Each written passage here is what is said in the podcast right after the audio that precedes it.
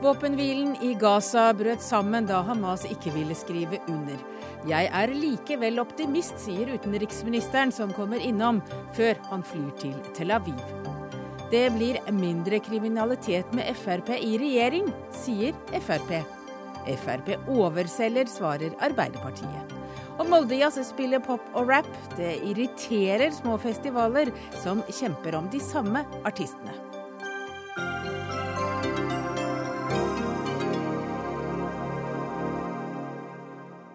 Ja, dette er noen av overskriftene i kveldens sending. Jeg heter Hege Holm og møter også i denne sendinga Ola Borten Moe. Han hisser seg opp over rettsvesenet, og Ketil Solvik-Olsen er lei av rundkjøringer og fartsdumper. Velkommen til Dagsnytt 18 er denne tirsdagen. Og vi skal aller først til Midtøsten, for Israel aksepterte i formiddag Egypts forslag til våpenhvileavtale mellom Israel og Hamas, men det gjorde ikke Hamas. Og utenriksmedarbeider Jan Espen Kruse du er i Tel Aviv. Våpenhvileforslaget ba bl.a. partene om å starte nedtrapping fra og med i dag tidlig. Men eh, hva er det som skjer nå? Nei, eh, Det som skjer er jo at bombingen eh, fortsetter på Gaza. Israelerne sa at med fortsatt rakettskyting mot israelsk territorium, så kunne de ikke fortsette denne prosessen. Sånn at eh, Det som, nå er jo, som skjer nå, er jo at det er veldig skuffelse. Jeg har snakket med palestinere i Ramallah på Vestbredden. Eh, de sier at det er tragisk at det ikke ble noe av dette, og at eh, de håper at ideen om en våpenhvile ikke er død med det som har skjedd i dag. Og Blant jøder her i Jerusalem er det også skuffelse og forvirring. Man lurer veldig på hva er det egentlig som skjer.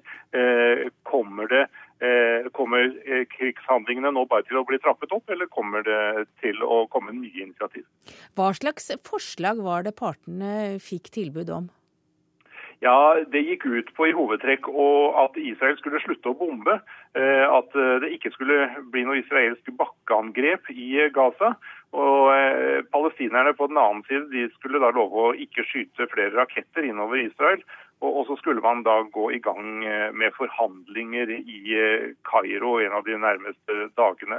Det, det, var hovedpunktene, men eh, det ble altså ikke noe av i denne omgang i hvert fall. Hvorfor aksepterte Israel forslaget? Ja, det var vel etter ganske kraftig trykk fra det internasjonale samfunnet, spesielt fra USA, som gikk veldig inn for at at det skulle bli en våpenhvile, at man skulle få det første positive tegnet. Så Det var nok hovedforklaringen på at eh, Israel tok det første skrittet. Og da håpet de jo kanskje at eh, Hamas eh, skulle følge opp og, og ta et skritt, de også. Lenge sa de jo at de diskuterte forslaget, men, men har de nå sagt nei? Ja, de har sagt nei på den måten at de, de sier at de ikke fikk nok eh, i eh, det som var eh, tilbudet i, eh, i forbindelse med, med våpenhvileavtalen. de ville ha mer f.eks. frigivelse av palestinske fanger. De ville ha åpning av grenseoverganger, altså mer, mer fri, åpen ferdsel. Eh, så De kom med flere sånne konkrete krav. Det var ikke nok bare å stanse krigshandlingene, de ville ha noe mer. Hva skjer nå? Ja, nå eh, vet vi jo ikke riktig hva som eh, skjer, annet enn at eh, den ene utenriksministeren etter den andre kommer nå til Midtøsten.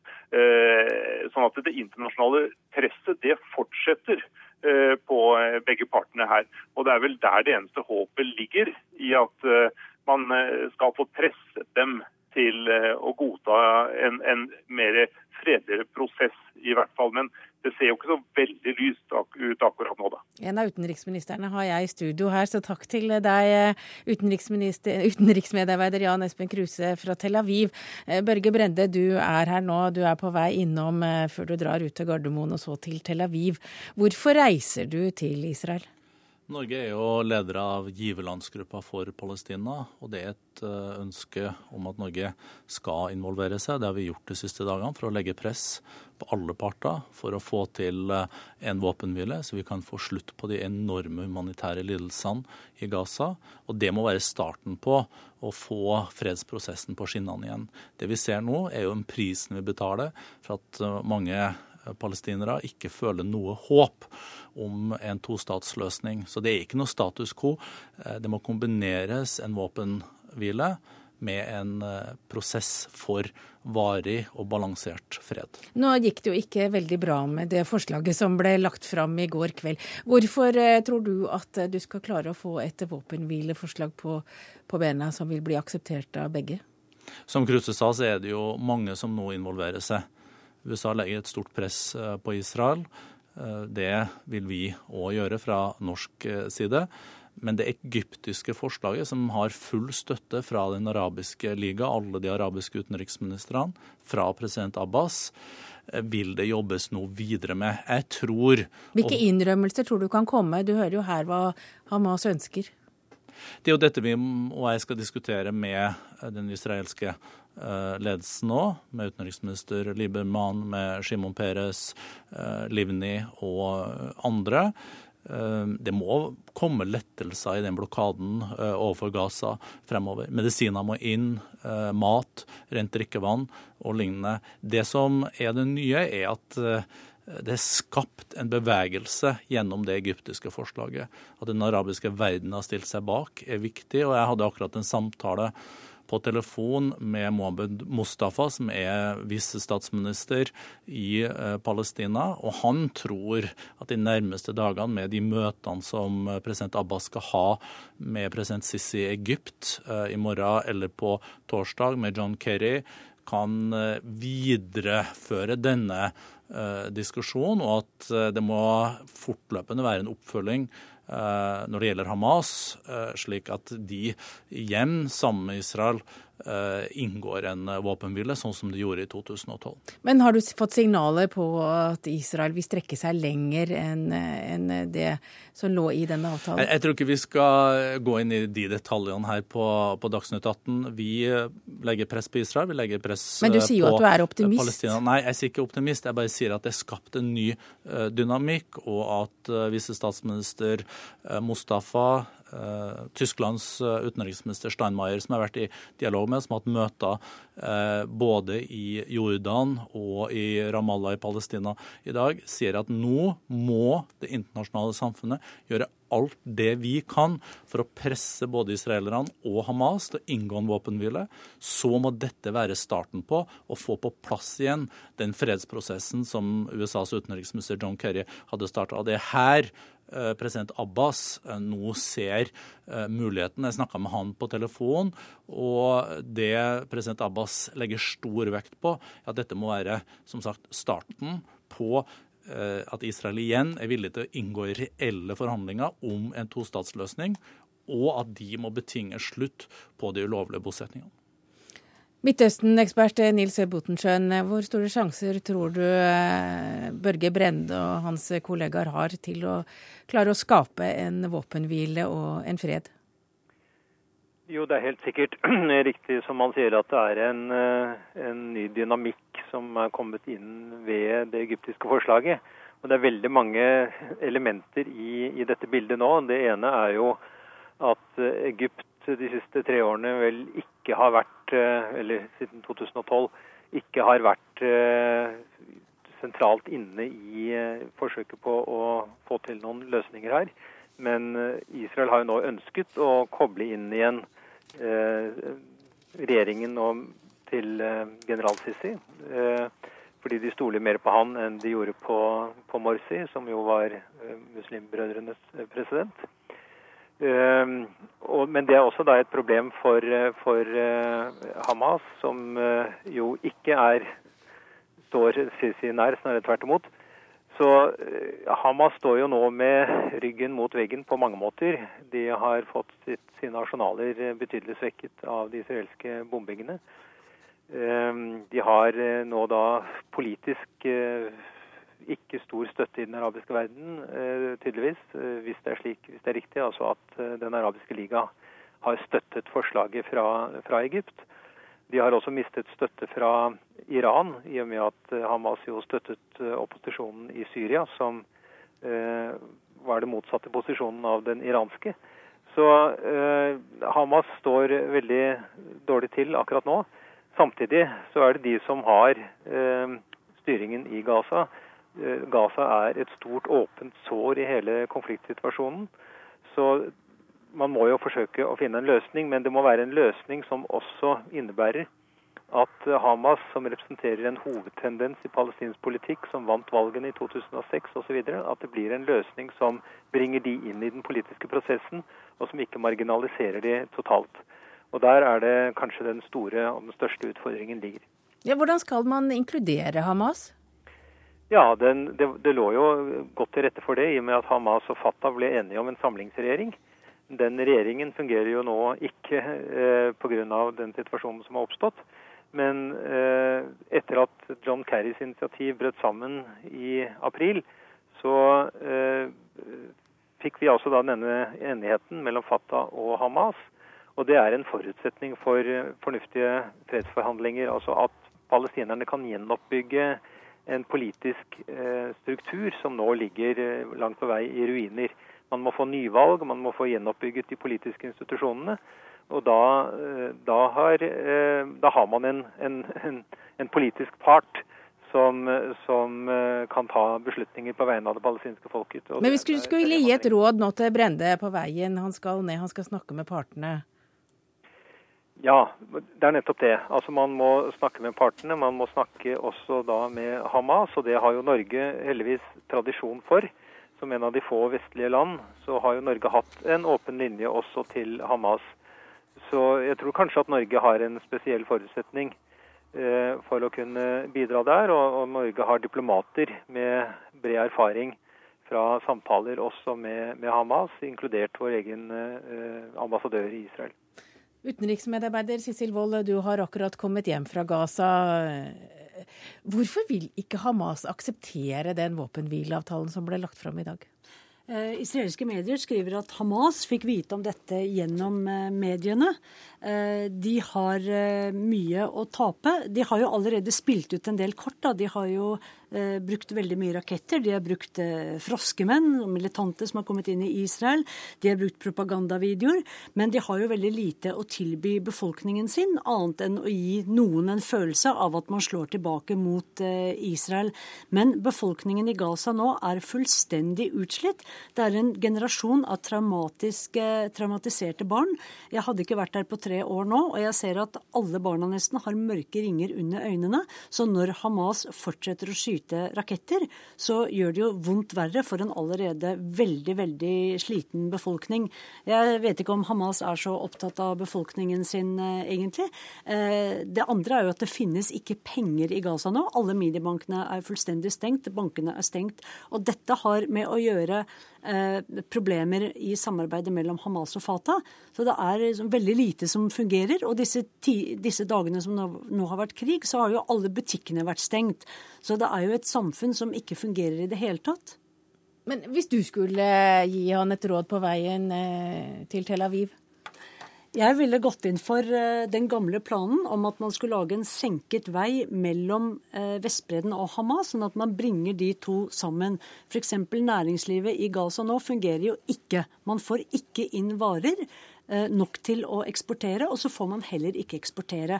Eh, Gaza har mange fine bedrifter og fabrikker, men når ikke de fungerer, så er det jo ikke arbeidsplasser. Hadde man hatt en senket motorvei, sånn at man kunne kjøre frem og tilbake mellom Vestbredden og Gaza, så kunne jo eh, næringslivet i Gaza eksportere varene sine til Vestbredden. Det var det jo snakk om i gamle dager.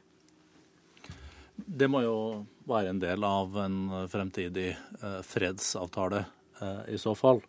Men det viktige nå, eh, som både Cicel Wold var inne på og Butchensjøen, er jo å få på plass en våpenhvile, slik at det ikke er helt uakseptable kamper som skjer inne i Gaza. Det er over 180 mennesker som er drept, de fleste av de sivile, mange barn. 1400 som er skadd. Det er ikke medisiner. Vi må få slutt på den helt akutte humanitære katastrofen. Det kan bare en våpenhvil eh, gjøre. Men det bør eh, være sånn at innbyggerne i Gaza ser et lys i enden av tunnelen. Det er 1,7 millioner mennesker som lever under helt uakseptable humanitære forhold. Så jeg forstår at det elementet er viktig, og dette vil vi bringe, og det vil jeg bringe med meg eh, nå i disse samtalene. Og så tror jeg det er avgjørende eh, at Israel forplikter seg sammen med en palestinske president til å gjenoppta forhandlingene om en varig fredsløsning og en avtale om en tostatsløsning basert på grensene før 67. Bare dette kan jo over tid eh, skape en fremtid som er bærekraftig for begge nasjonene, både Israel og for palestinerne. Har du noe avtale med Hamas? Det er sånn at eh, Norge snakker med alle partene. Når det gjelder på politisk nivå, så snakker ikke denne regjeringa, som den forrige eh, ikke gjorde, iallfall ikke etter 2007, med Hamas på politisk nivå. Men det er administrativ kontakt, og der legger vi press eh, på Hamas for nå å få på plass en balansert våpenhvileavtale som kan redde liv. For nå må vi tenke på de menneskene og de barna som blir ramma. Jeg er veldig redd for at man bare avslutter krigen nå, og så ønsker Israel status quo. Men da har jo palestinerne på Gazastripen akkurat det samme problemet. Og i de to siste årene nå så har vi jo ikke hørt noe om Gaza fordi ingen har skutt raketter. Hvis ingen skyter raketter, så er det jo ingen som vet at de er der, eller man bare glemmer det bort. Vi hadde to israelske statsministre som sa at jeg håper at Gaza forsvinner ut i sjøen. Så status quo er ingen løsning. Og jeg tror at uh, statsminister Netanyahu helt klart har sett at uten håp om fred og uten en prosess knytta til en fredsavtale, så er det ikke status quo. Fordi det vil føre til eh, både vold eh, og ufred i regionen. Så det tror jeg har vært en lærepenge for alle. God tur til Tel Aviv, Børge Brende. Vi krysser fingrene. Takk også til deg. Sissel Wold, utenriksmedarbeider her i NRK. Og Jan Espen Kruse og Nils Buttensjøen var også med. Dagsnytt 18 alle hverdager klokka 18.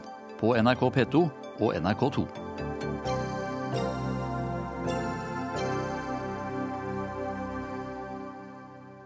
Tidligere olje- og energiminister Ola Borten Moe mener at rettsvesenet er på kollisjonskurs med folkestyret. Tidligere i sommer fastslo Gulating lagmannsrett at det var galt av Moes departement å endre traseen for kraftlinjen mellom Sogn og Sunnmøre i 2011. Og vi skal ta et raskt tilbakeblikk. Kraftlinjen mellom Sogn og Sunnmøre har stor betydning fordi den skal gi billigere strøm til innbyggere i Midt-Norge. Statnett fikk i 2009 konsesjon til å bygge kraftlinjen gjennom Førdedalen, men avgjørelsen ble klagd inn til departementet.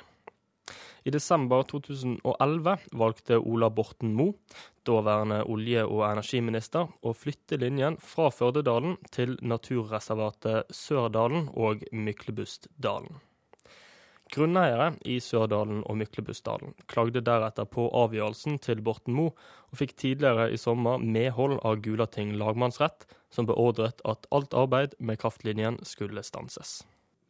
Og det er eh, denne kjennelsen fra Gulating lagmannsrett du mener strider mot folkestyret, Ola Borten Moe. Nå må du forklare hvorfor det? Nei, det her er jo en stor, eh, viktig og vanskelig lokaliseringssak. Eh, vi sto foran et valg der vi måtte velge mellom tre forskjellige alternativ. Ingen var eh, fri for kontroverser eller ville vært lett å vedta, men likevel så er det jo sånn at kraftlinja må frem. Det gjelder her i Myklebustdalen og i Bremanger, som det gjelder i resten av landet. Og Du har lignende problemstillinger på vei og på jernbane og på godsterminaler og store utbyggingsprosjekt. Eh, så er poenget mitt at det her er avgjørelser og beslutninger som skal være politiske. Altså det skal være eh, landets valgte myndigheter som fatter de her valgene etter lange eh, og svært demokratiske prosesser. Det er mange som høres i, i mange runder. Og Problemet i sånne prosesser er jo ikke at de går for fort, det er snarere at de går eh, for seint.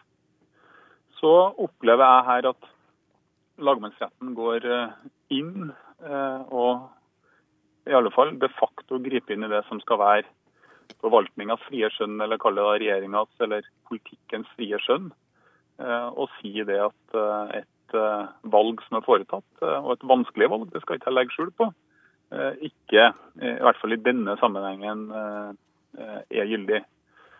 Så eh, det jeg prøver å få frem, og, mener veldig sterkt, er at også i fremtida så skal, mener jeg, denne type valg gjøres av politikere som er ansvarlige overfor befolkninga i valg, ikke av domstoler og eh, jurister. Det skal være politiske organ som fatter beslutninger også i vanskelige lokaliseringer. Men når du går så langt og sier at det truer folkestyret, det høres jo veldig dramatisk ut, da?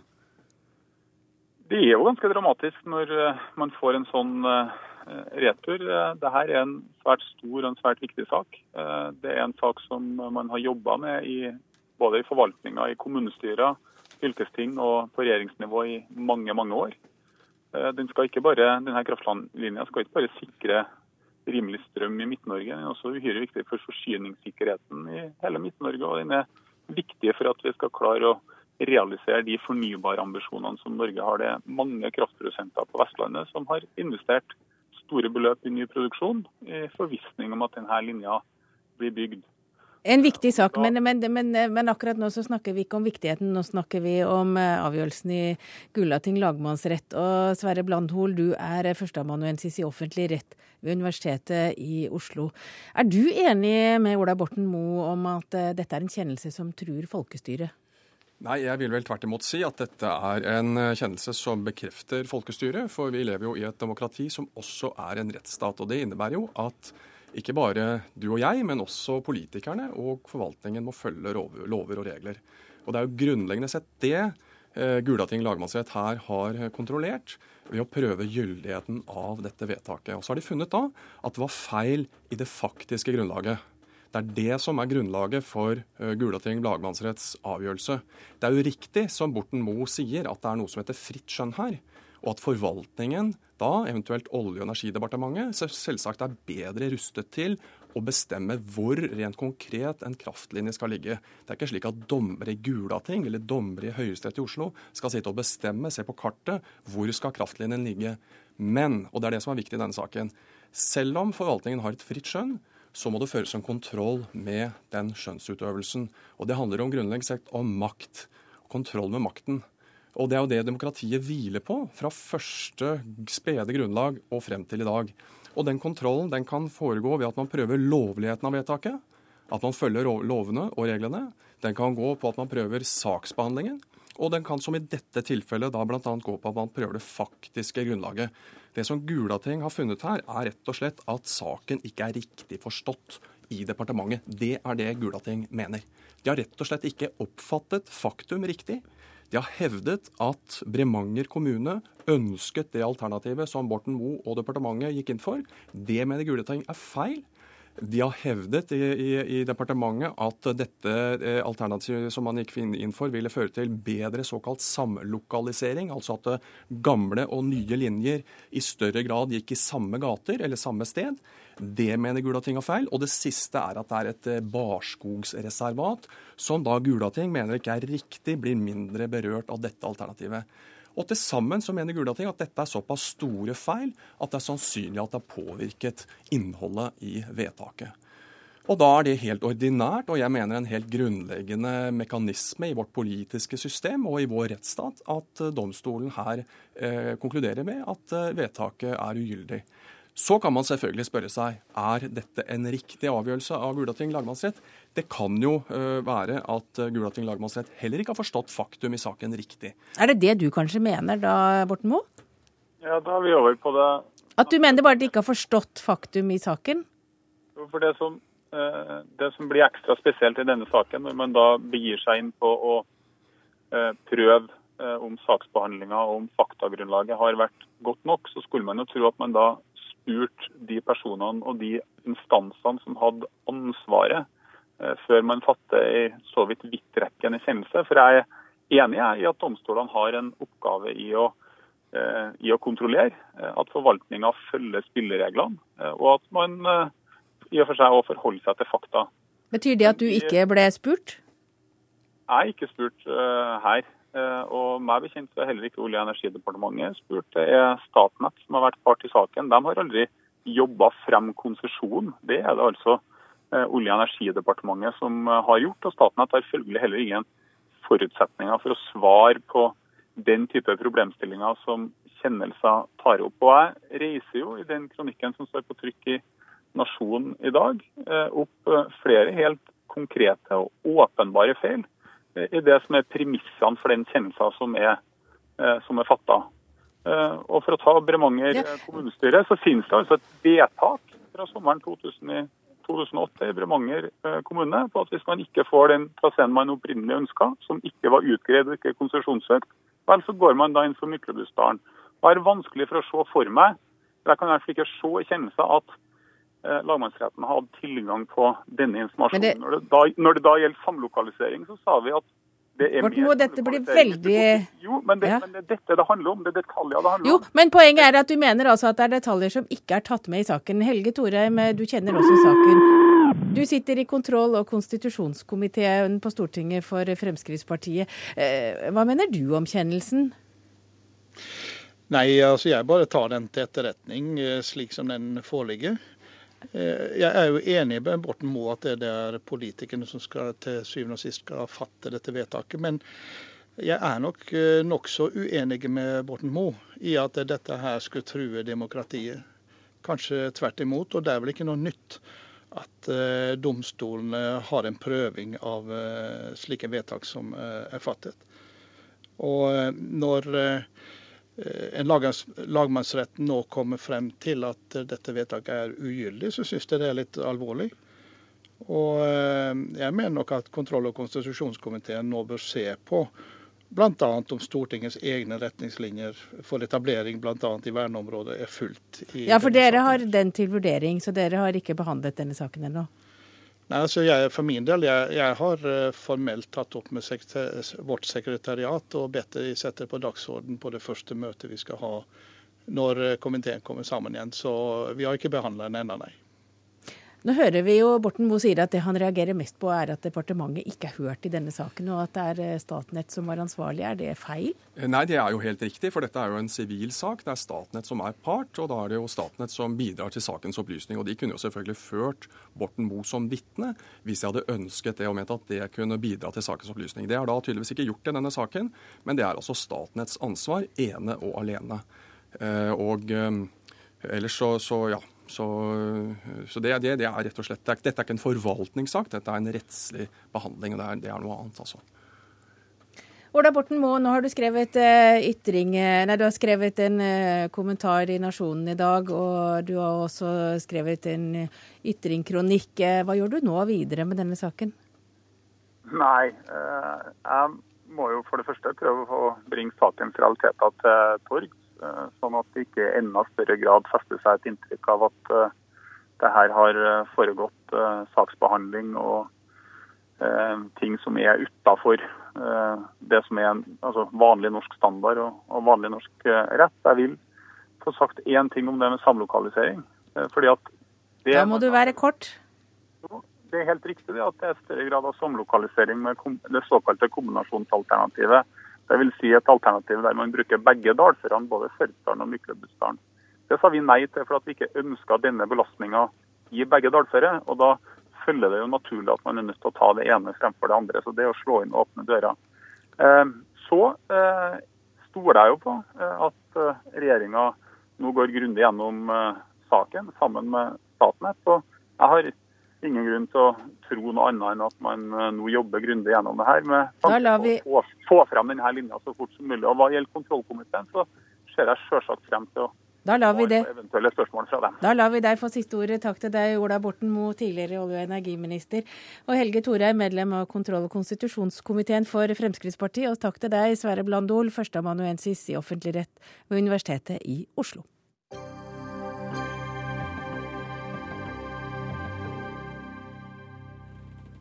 Siden regjeringen kom til makten, har Fremskrittspartiet sørget for mindre kriminalitet, gjennomført tidenes skattekutt og sendte ut rekordmange kriminelle innvandrere. Dette er bare tre punkter på skrytelista som parlamentarisk leder i Fremskrittspartiet, Tom Harald, Harald Tom Nesvik, skrev i en kronikk i VG i går.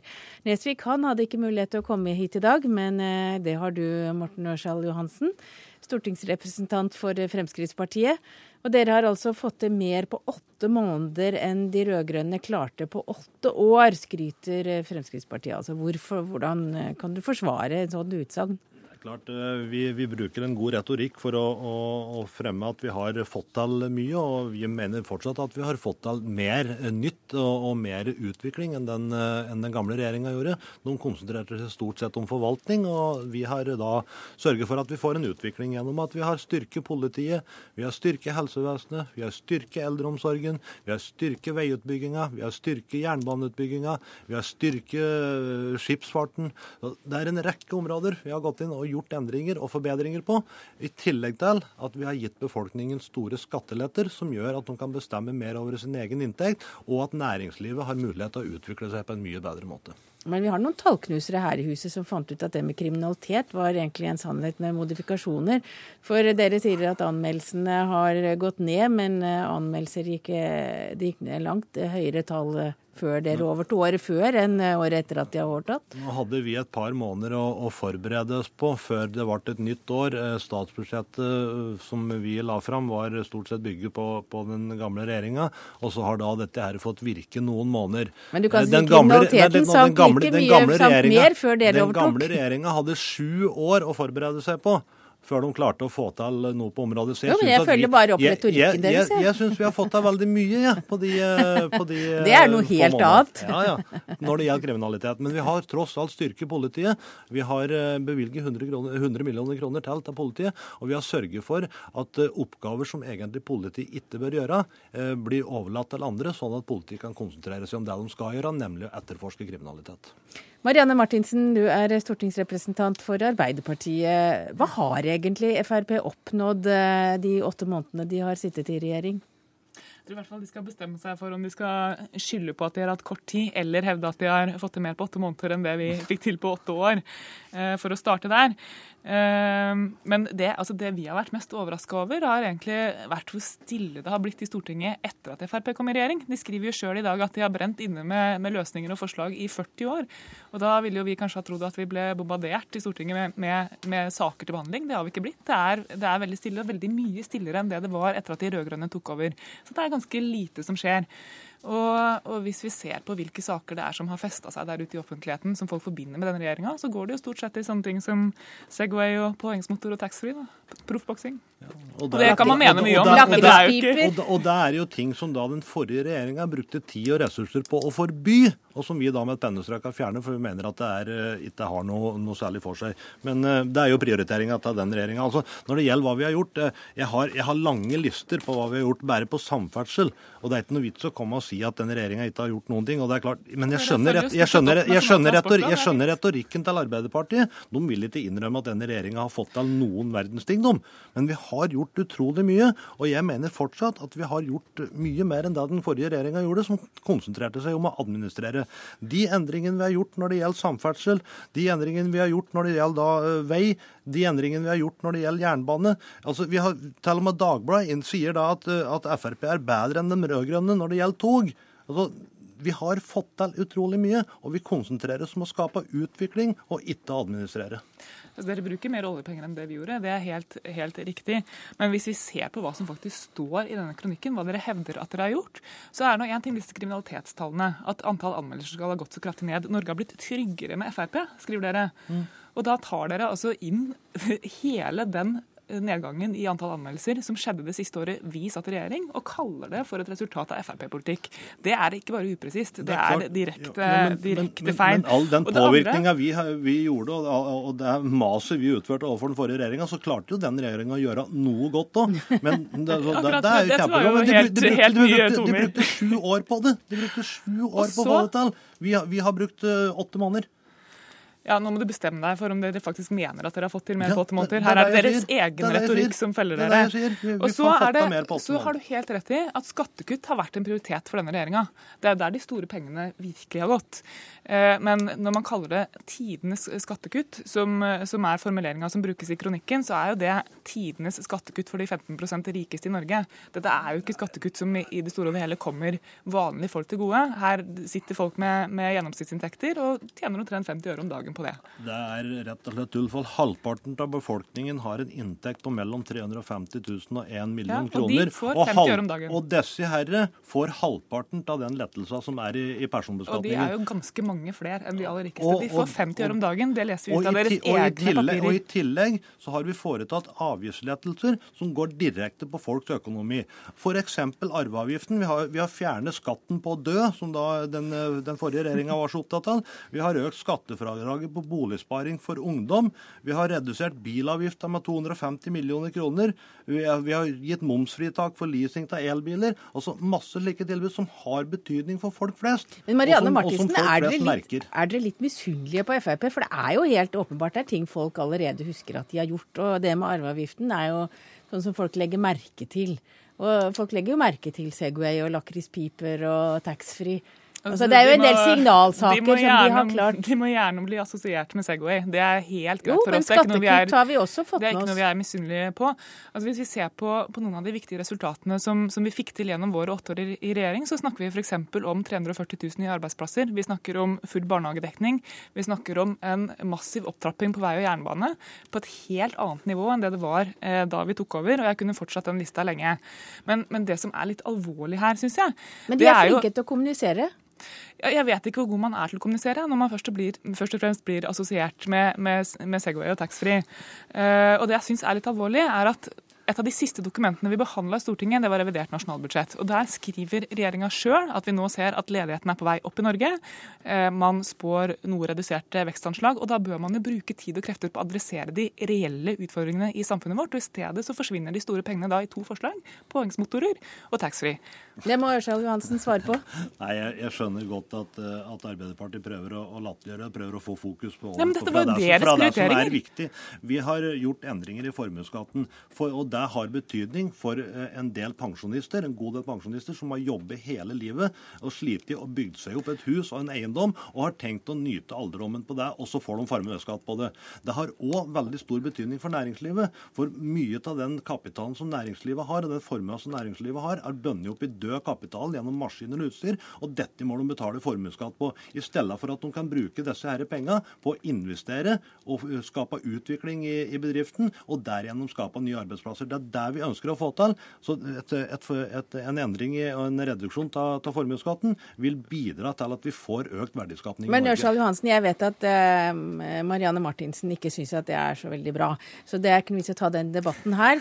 Nå, men nå lurer jeg på, når dere skriver en sånn skryteliste som eh, Harald Tom Nesvik gjorde i går, er det for å fortelle velgerne deres at se her hva vi har gjort? At dere frykter litt at eh, folk eller velgerne glemmer dere når dere sitter i regjering? Ja, Selvfølgelig er det viktig å kommunisere hva du gjør når du kommer i regjering. Eh, Det er viktig at velgere får vite hva, hva regjeringen gjør.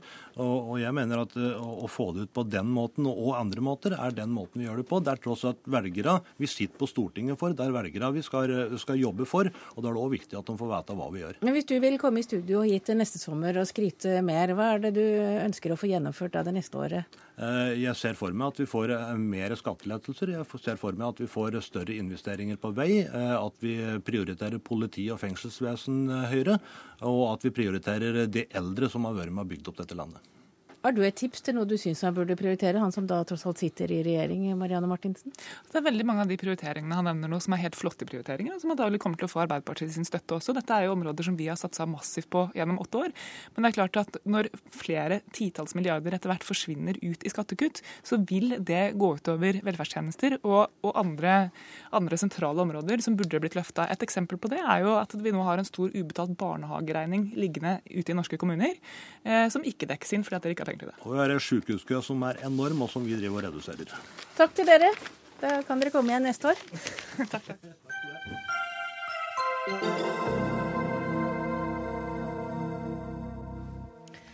Ja, Da skal vi snakke litt eh, vei her i Dagsnytt 18. For Samferdselsdepartementet har nå sett seg lei på at lokalpolitikere legger hovedfartsårer gjennom sentrum med fartssone og fartsdumper. Samferdselsminister Ketil Solvik-Olsen har jo som kjent, kjent kjørt Norge på langs, og der vil jeg tro at eh, du har irritert deg over å stå stange i rundkjøringer og køer, og nå etterlyser du sterkere statlig styring når det skal bestemmes hvor eh, de store veiene skal gå. Og hva er det du vil? Jeg vil at vi skal få et effektivt eh, veisystem rundt i landet. Det betyr at hovedveiene, riksveiene, eh, europaveiene mellom byene, de må fungere som transportåre. Og så skal vi ha lokalveier, fylkesveier, som er tilførsel inn og ut av tettstedene for hverdagstrafikken. Det jeg opplevde mange steder, det er at en bygger fine nye bruer for å få vekk flaskehalser, men legger veien gjennom tettstedet. Eh, sånn at du får fartssumper, du får eh, rundkjøringer, du har 40 km grense. Det syns jeg ikke er akseptabelt. Og Det gjør jo òg at du får mer støy, du får eh, dårligere miljø, du får mer trafikkfarlige situasjoner der folk bor. Derfor vil jeg at når vi planlegger veier framover, at vi prøver å legge de utenfor tettstedene, sånn at du ivaretar lokalbefolkningen og ivaretar eh, transportbransjen. Men er dette noe som kommer i framtiden? Fordi det er jo veldig mange av hovedfartsårene våre som går gjennom eh, f.eks. kjører du Hallingdal, så må du gjennom eh, mange tettsteder? Ja, altså på, på, den turen jeg hadde nå når jeg kjørte E6, så kom vi gjennom flere steder der du har Vi åpna faktisk en vei òg på, på, turen. Der eh, brua var kjempeflott, men veien gikk fortsatt gjennom tettstedet, men med nye, flotte fartshumper. Jeg syns ikke det er akseptabelt. og, og med referanse til forrige debatt, dette handler jo om mye mer enn Segway når Frp sitter i regjering. Dette handler faktisk om å øke tempoet i, i veiutbygging. Det handler om mer vedlikehold. Det bør Arbeiderpartiet få med seg snart. Men er det lokalpolitikerne som, som, bestemmer at uh, det er de som gjerne vil ha veien gjennom, sånn at uh, ja, butikkene får besøk og folk stopper? En, en har hatt en litt misforstått tilnærming til lokaldemokratiet når, når en lar kommunene få bestemme hvor europaveiene skal gå. Eh, her bør staten ta et mye større ansvar for å sikre helhet, for å sikre én standard langs hele veien. Det er jo en annen ting jeg har opplevd når jeg kjørte E6, som de som bor langs E6 opplever hver dag. Det er jo det enorme standardskiftet. Noen steder så har du en veldig fin vei, brei, fin veiskulder, god asfalt. Og så plutselig rundt neste sving så er du nede i 70-sone, du er svinget eller humpet eller dårlig veidekke. Det kan ikke være sånn vi skal ha europaveistandarden i landet vårt. Helge Eide, du er områdedirektør i interessepolitikk i KS, altså kommunesektorens organisasjon.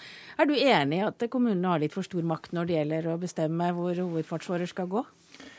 Det er jo gode nyheter at eh, samferdselsministeren lover god gode veistandarder over hele landet og gode tilførselsveier fra hovedveiene og inn til eh, tettstedene og byene. For det er jo selvfølgelig ikke sånn at, at lokalpolitikerne ønsker at det skal være støy Eh, tungtrafikk og gjennomgangstrafikk eh, gjennom eh, tettstedene. Det de ønsker, det er jo tilknytning til hovedveiene.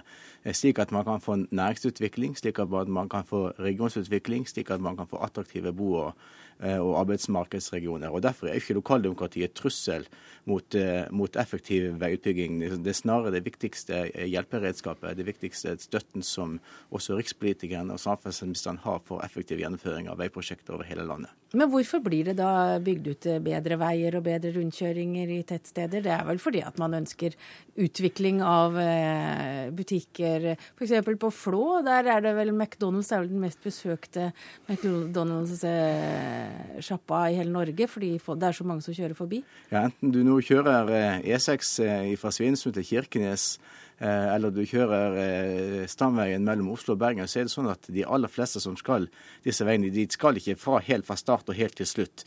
Det er lokaltrafikk og regiontrafikk som er det bærende elementet de aller fleste stedene. Derfor er det grunnleggende fornuftig at hovedveiene i Norge går i hvert fall i nærheten av byer og tettsteder som ligger i tilknytning til ruten. Og det er fornuftig at, at man har tilførselsveier til sentrum. Det er fornuftig at man sparer eh, byer og tettsteder for eh, tungtrafikk og gjennomgangstrafikk ved å legge det utenfor, slik som vi også f.eks. ser i Hallingdal. Hvor stor makt har lokalpolitikerne i dag når det gjelder hvor, eh, hvor man skal legge nye traseer? Ja, Når det gjelder de store veiprosjektene, så er det sånn at det er jo en sammenhengende planlegging uansett, fordi det er Statens vegvesen som står for planleggingen. Så er det kommunene som planmyndighet her i Norge som har den endelige vedtaksmyndigheten for de konkrete Eh, kommuneplanene og for de konkrete eh, reguleringsplanene. Alternativet til å gjøre det, det er jo at enten så kunne man gi eh, fylkesplanene juridisk bindende myndighet, eller så kan man gjennomføre en såkalt statlig eh, regulering. Er det det du vil, eh, Ketil Solvik-Olsen? Ja, vi vil ha mer statlig regulering for å få en helhet i måten vi bygger ut riksveier og europaveien vår. Det er det jeg snakker om. Selvsagt så skal du ha gode tilførselsveier til tettstedene som en kjører forbi. Vi bør òg få mye bedre skilting til de eh, tilbudene som finnes i tettstedene, sånn at næringslivet viser hva de har å tilby, at turistnæringen viser hva de har å tilby. Det er mye flotte hoteller og spisesteder som i dag blir bortgjemt i, i store i store landet vårt.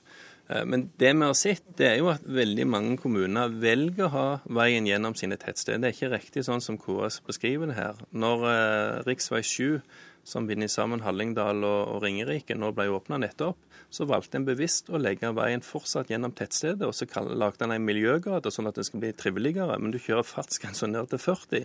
Det gir for meg liten mening å bygge flotte nye tunneler og bruer som korter reisetiden og får 90 km fartsgrense, når du ender opp med å måtte kjøre gjennom tettstedet med 40 km fartshumper. Og det kan heller ikke, forstår jeg, være tilfredsstillende å bo i et sånt et område der du får tungtrafikken rett ut for stuedøra. Så her er det en del lokalpolitikere som har hatt for mye makt, som tenker på noen få næringsdrivende istedenfor å tenke på lokalsamfunnet. Og det vil ikke jeg at vi skal gjøre framover. Magne Rometveit, du er stortingsrepresentant for Arbeiderpartiet, og du er medlem av transport- og kommunikasjonskomiteen. Er du enig med samferdselsministeren om at det bør være mer statlig styring og mindre lokalt demokrati når det gjelder hvor veien skal ligge? Ja, jeg er deler langt på vei eh, Ketil Solvik-Olsen sin eh, oppfatninger på dette. Og, og, da spesielt når det gjelder disse hovedfartsårene våre. Og vi har sett eh, opp gjennom mange eksempler på at disse hovedveiene har blitt lagt altfor nær eller midt igjennom gamle senter. Og Så har vi også sett gode eksempler på at han har blitt lagt utenom.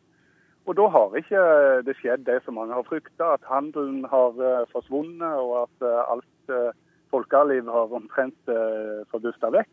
Eh, det er stort sett bra for disse eh, bygdebyene og lokalsamfunnene og lokalsentrene hvis hovedveien blir ført utenfor. Og Ikke minst så er det da av trafikksikkerhetshensyn veldig mye bedre. Jeg tror jeg kan love av hensyn til trafikksikkerhet, av hensyn til eh, bymiljø osv., så, videre, så vil det ikke være lokalpolitiker som ønsker å få eh, gjennomgangstrafikk midt gjennom bysentrene. Men det som er en reell utfordring, og som jeg tror nok også samferdselsministeren har opplevd på sin turné langs, eh, langs hele Norge, det er jo at de virkelige konfliktene mange steder det dreier seg jo ikke om konflikten mellom lokalpolitikere og nasjonale interesser, men det dreier seg om konflikten mellom ulike nasjonale interesser. F.eks. i Steinkjer, der jeg så at en av eh, samferdselsministerens kolleger i politisk ledelse var bekymret over alle rundkjøringene. Det, det som har skjedd i Steinkjer liksom, gjennom det omfattende planarbeidet de siste årene som har vært der, det er jo ikke det at, at kommunen har har krevd å få disse rundkjøringene. Det, men det er jo fordi at det har vært konflikter mellom ulike nasjonale interesser, hvor staten sjøl har nedlagt innsigelser eller var trussel om innsigelse mot enkelte av, eh, av veitraseer. Fordi det dreier seg om jordvern, det dreier seg om kulturminnevern, det dreier seg om naturvern. Vi har eksempler på det i Steinkjer, vi har eksempler på det i Ringebu, vi har eksempler på det i Hamar. Slike konflikter kommer man ikke utenom, eh, enten det er kommunene eller det er staten som gjør det endelige vedtaket. Det er kun demokratiet som kan løse det, og vi er overbevist om at de aller beste til å løse så det er også sånne konflikter. Det er de som er aller nærmest innbyggerne, og det er kommunepolitikerne, kommunepolitikerne sjøl. Kommunepolitikerne skal selvsagt være en viktig del av den debatten, men ved at staten tar ansvar, så får du en mer helhetlig tanke på hele strekningen. Og nå, er, nå har vi brukt to eksempler som viser at kommunepolitikerne har valgt å ha trafikken gjennom tettstedet sitt. Jeg tror ikke vi trenger mer for å vise at KS her for, eh, for, lager det for rosenrødt. Men det er helt riktig òg, som det blir sagt, at de siste årene eh, Det er veldig bra at Magne Rommetveit nå er enig med denne regjeringen, men når hans regjering praktiserte det, så var det altså sterke krefter i Miljøverndepartementet som stoppet det som skjedde på veisida. Sterke krefter i Landbruksdepartementet som stoppet det, og de klarte ikke å skjære igjennom. Sånn som eksempelet med Hamar, så brukte en altså fire år på å diskutere en sak som vår regjering avgjorde på åtte dager. Vi må få sørge for at når vi er enige om at det skal gå en bedre vei, eller en bedre jernbane for den saks skyld, ja, nå må så, nesten Rommetveit få svare så, må, på så må vi få det på plass uten at vi ender opp i evighetsvarende diskusjoner, sånn som under forrige Fire år, Rommetveit, det er jo lang tid?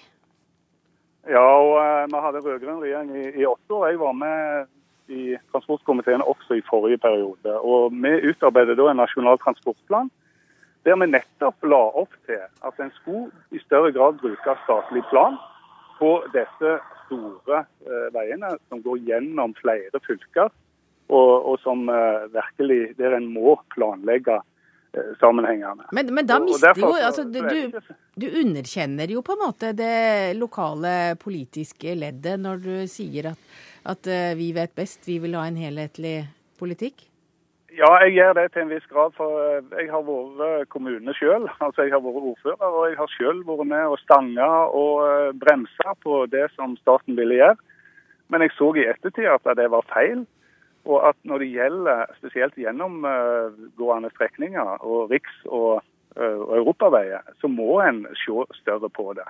For dette er jo noe som skal tjene hele regionen, og ikke bare den kommunen og det senteret det skal gå igjennom. Og Det som Ketil Solvik-Olsen og departementet nå flagger, det jeg er ikke overraska på at de gjør det. Jeg hadde vært mer overraska hvis de ikke gjorde det. For egentlig så kommer de nå med en oppfølging av det som er den rød-grønne nasjonale transportplanen.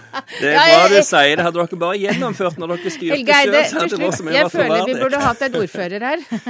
Og nå, eh, nå, er jeg på turné som Ketil. Jeg følger i hans fotefar. Det vil si, eh, jeg har kjørt Østerdalen i dag, og der gikk veien veldig fint utenom de fleste senter kobler meg snart på E6. Skal ikke helt til Kirkenes, skal bare til Narvik og så utover Lofoten, Vesterålen, og så skal jeg kjøre kysten nedover. Men så har jeg jo også kjørt E134 over Haukeli. Der går veien flott utenom Seljord, og nå skal den bygges veldig bra utenom Kongsberg. Ja. Kongsberg ja. Men, og, og felles, felles, for både, felles for både E139 e rundt Seljord og rv. 3 gjennom Østerdalen er jo der har det skjedd veibygging uten noe som helst statlig eh, regulering. Men jeg, jeg, har lyst til å si at det er ikke sånn at kommunen er mot enhver form for bruk av statlig plan. Det kan være fornuftig liksom, når det virkelig låser seg i, i eh, lokale prosesser, eh, og når man er enig om det på forhånd. Da er det fornuftig. Men det er når man bruker det som vikarierende argument for å frata innbyggerne myndighet og makt over sine egne arealer, det er da vi må protestere fra KS' side. Vi skal gi mer makt til, til lokalpolitikerne i arealbruk, men akkurat veibygging må ha nasjonalt perspektiv. Takk til eh, samferdselsministeren, takk til Helge Eide i KS, og takk til Magne Rommetveit, og god tur videre. Hør Dagsnytt 18 når du vil. Radio NRK.no. Da skal vi ut i Festival-Norge, for eh, hvorfor spiller egentlig Timbuktu og Ylvis på jazzfestivalen i Molde? Er det egentlig jazz? Molde Jazzfestival får altså 6,8 millioner kroner av staten for å være en knutepunktfestival som skal spille jazz og hjelpe andre jazzfestivaler i området. Og nå vil regjeringen finne ut om Molde og de elleve andre såkalte knutepunktfestivalene fortjener offentlig støtte. Svein Bjørge, festivalsjef for Steinkjerfestivalen. Eh, du er kritisk til eh, at enkelte festivaler får mer penger enn andre. Hva er det du ikke liker ved dagens ordning? Ja, bortsett fra at du er misunnelig, da. Ja, selvsagt er man misunnelig for at nabogutten får større sykkel. Men eh, jeg har aldri sagt at jeg er imot at noen får mer penger enn andre. Det er dimensjonen på det her som jeg alltid har sagt har vært feil, og den er direkte konkurransevridende. Eh, og jeg tror at intensjonen med knutepunktstatusen i sin tid var positiv, men nå har jo også eh, flere evalueringer vist eh, at den sannsynligvis ikke har de ønska måla som den hadde. Og jeg ser også at kulturminister Wildenvey sier til NRK at de her evalueringene har vist at de fleste festivalene som ikke er knutepunktfestivaler, har en liten nytte av knutepunktfestivalene. Og enda viktigere, de ser heller ikke noe behov for eller etterspør en kompetanse fra knutepunktfestivalene. Men, men, hva er det som er galt med at noen eh, sentrale festivaler får mer penger, slik at de kan eh, holde være sjangertro? Ja, Hadde de i det minste vært sjangertro, så hadde det vært annerledes. Men det er jo et av hovedpoengene. De er jo ikke sjangertro. De er jo sterkt uh, utro i forhold til sjangeren sin. og flere av de festivalene, om det nå er kirkemusikkfestivaler, jazzfestivaler, fremstår jo som, eh, som store, tunge pop- og rock- og hiphop-festivaler.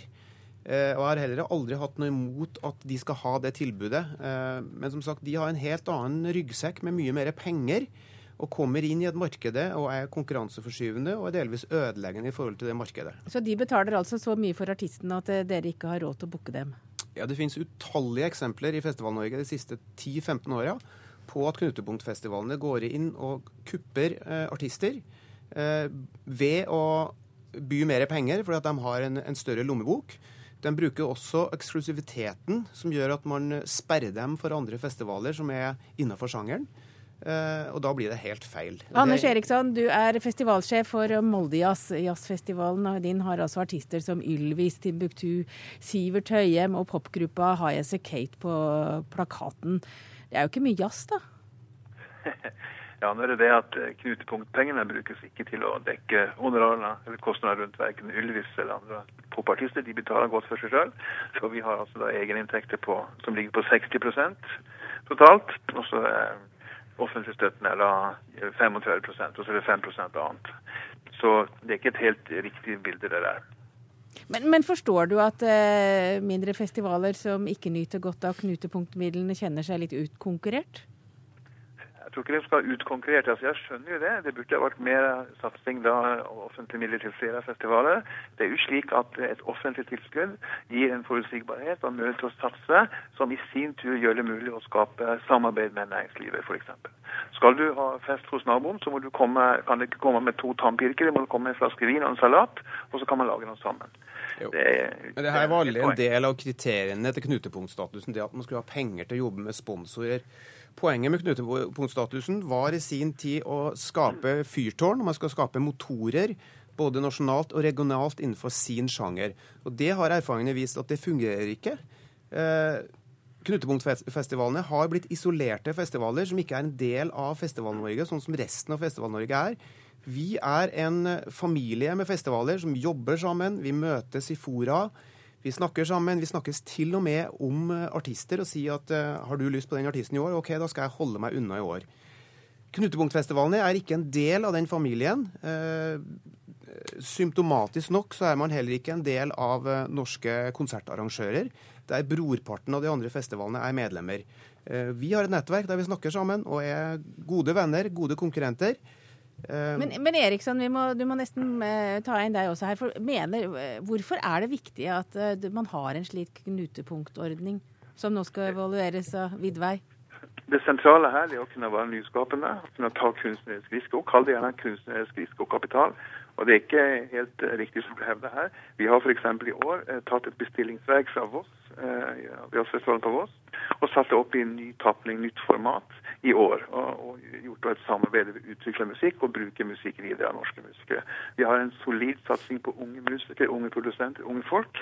Eh, jeg tror det er 40-50 unge musikere akkurat i dag i sving her i Molde som, som er med å, å på det som heter Jazzintro. Det er 30 utenlandske journalister, bransjefolk, festivalledere som jeg hører på norske band. Så det er en utstrakt virksomhet vi har i Molde på dette området. I tillegg så har vi da helårsvirksomhet gjennom Storville jazzklubb, som for øvrig ble valgt til årets jazzklubb 2014. Noen flere andre eksempler. Så det her er eh, den kritikken her skyter litt eh, ved siden av målet, på en måte. Men vi, har en tredje, vi har en tredjemann her. Agnes Moxnes, du er kommentator her i NRK. Nå må du forklare hvorfor er det viktig at vi har en festival som Moldejazz, som da får nærmere 7 millioner, mens eh, i Steinkjer får de 250 000 offentlige kroner for å lage festival? Altså det er jo som det ble sagt her, Hensikten med dette her er jo å belønne kvalitet. Eh, men det knutepunktfestivalene og knutepunktordningen det er en ordning fra begynnelsen av 90-tallet. Eh, I løpet av altså det, Norge og Festival-Norge er noe helt annet nå Korrekt. enn det var. Sånn at i dag så er det så mange flere som kjemper om publikum. Og kravet til kvalitet er også høynet voldsomt i løpet av disse årene. Nå har jo departementet sagt at de skal eh, forte seg å se på ordningen. Tror du at den vil forsvinne? Nei, det tror jeg ikke. fordi at det er mange ting i altså selve tanken bak knutepunktordningen som er veldig bra. Eh, det er altså at det har en slags sånn maktspredning som denne regjeringen er veldig opptatt av. At det skjer ting utenom de store institusjonene. Det skjer utover i distriktet. Det er tett, eh, tett kontakt mellom festivalene og det lokale næringslivet bl.a. Men at de kommer til å gå inn på den og vurdere den skikkelig og ha en skikkelig gjennomgang av den, det er jeg helt sikker på. Bl.a. fra den kritikken som kommer fra Svein Bjørge her nå. fordi at han er ikke den første som irriterer seg over en urettferdig, som oppleves som en veldig urettferdig konkurranse. Er det en urettferdig konkurranse? Ja, Det er jo det på, på, sett og vis. Men det er jo selvfølgelig veldig viktig for Molde, som er en kvalitetsfestival, at de også har det store publikummet i ryggen. Fordi at de skal ut og få penger av kommunen, de skal få penger av fylket, de skal få penger av næringslivet. De skal få til en, en folkefest. Eh, men det er veldig dumt hvis det fungerer på en sånn måte at de som driver uten den samme støtten, lider av det. Da sier vi takk til dere, for denne sendinga er slutt. Ansvarlig var Alf Hartken, det tekniske ansvaret hadde Karl Johan Rimstad, og jeg heter Hege Holm. Og vi høres igjen i morgen.